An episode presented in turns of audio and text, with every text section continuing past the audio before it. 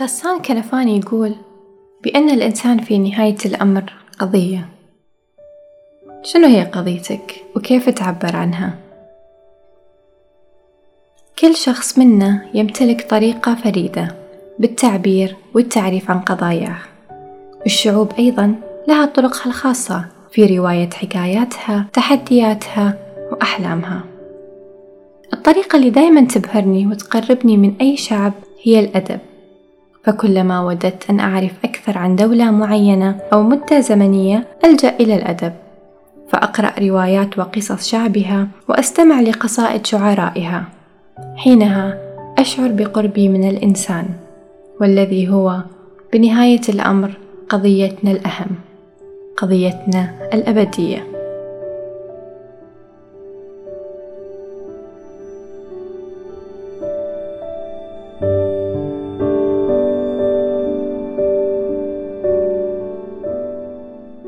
حزينة عيناك. يا مدينة البتول يا واحة ظليلة مر بها الرسول. حزينة حجارة الشوارع حزينة مآذن الجوامع. يا قدس يا جميلة تلتف بالسواد.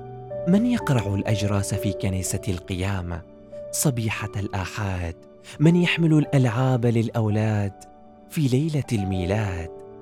يا قدس يا مدينة الأحزان يا دمعة كبيرة تجول في الأجفان. من يوقف العدوان؟ يا قدس يا مدينتي يا قدس يا حبيبتي. غدا غدا سيزهر الليمون وتفرح السنابل الخضراء والزيتون وتضحك العيون. يا بلدي يا بلد السلام والزيتون. نزار قباني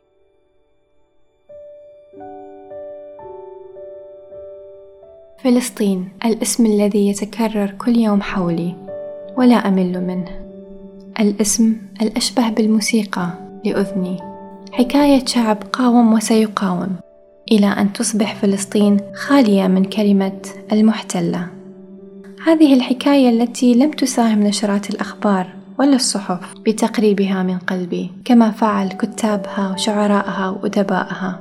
ورغم أني لا أملك الكثير ويداي تشعران بالفراغ كلما قرأت تغريدات شعبها. لكني أبذل ما بوسعي كي تبقى القضية حية.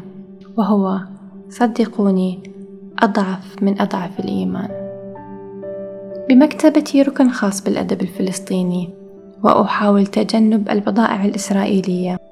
وأحدث صغار العائلة عن فلسطين وأذكرهم بها كي لا تموت القضية.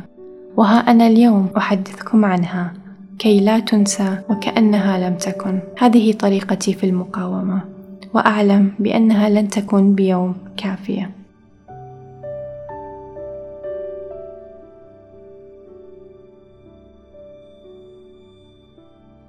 نحن نقف مع فلسطين.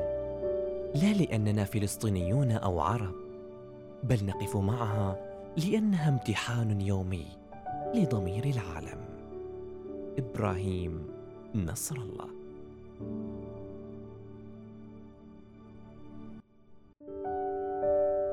إبراهيم نصر الله الكاتب الفلسطيني العظيم اللي فاز مؤخرا بالجائزة العالمية للرواية العربية.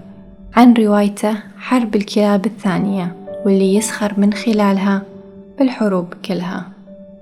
أشهر رواياته تندرج تحت مشروع أطلق عليه اسم الملهاة الفلسطينية واللي تغطي تاريخ القضية بشكل كامل. تضم هذه السلسلة سبع روايات منها أعراس آمنة وزمن الخيول البيضاء. العديد من الأدباء والكتاب ساهموا في إغناء وعي بالقضية. منهم غسان كنفاني فدوى طوقان مريد البرغوثي وابنه تميم محمود درويش وغيرهم الكثير. اللي جعلوني أشعر بأن نكبة كل فلسطيني وفلسطينية هي نكبتي بشكل خاص.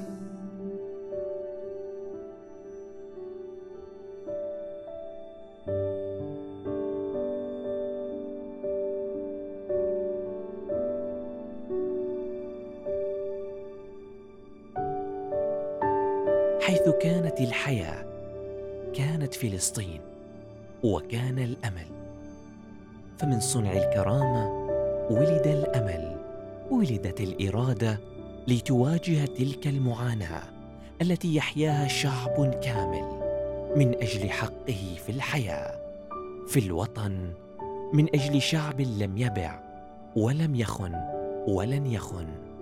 ستصمد أشجار الزيتون وأرض الزيتون. نادي حسين شجرة الزيتون.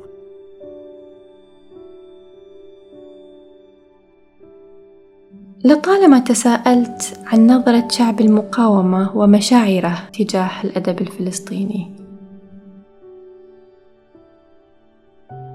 مرحبا معكم سارة من غزة. الأدب الفلسطيني اللي بيميزه إنه أوجدته ظروف الحروب والمعارك اللي بيعيشها شعبنا داخل أرضه. وإحنا كفلسطينيين بننظر للأدب بإنه سلاح مقاومة مش مجرد عرض صور أو سرد قصص. مشان هيك تأثير الأدباء والشعراء كان وما زال آه، أداة للذات الواعية بهويتها وبحقوقها في العيش. سواء بالتحدث عن آه، مرارة الغربة والحنين للوطن والأهل أو بالتحدث عن التمسك بالأرض ومواصلة النضال بالإرادة والتصميم على الحرية. آه، تعلمنا من الأدباء إنه مهمة الأديب الفلسطيني بتختلف عن كل أدباء العالم آه، لأنها أكثر جدية. الأديب الفلسطيني بينقل معاناة شعب بيتحدث عن وحشية احتلال أهم أهدافه طمس هاي الثقافة وهاي الهوية وإسكات المتمردين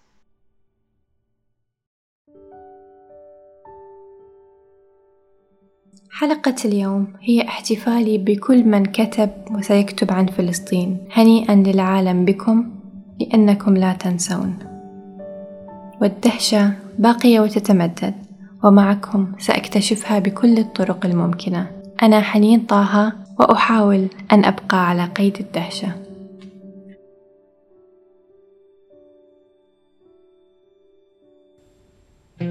على هذه الأرض ما يستحق الحياة. على هذه الأرض سيدة الأرض أم البدايات أم النهايات.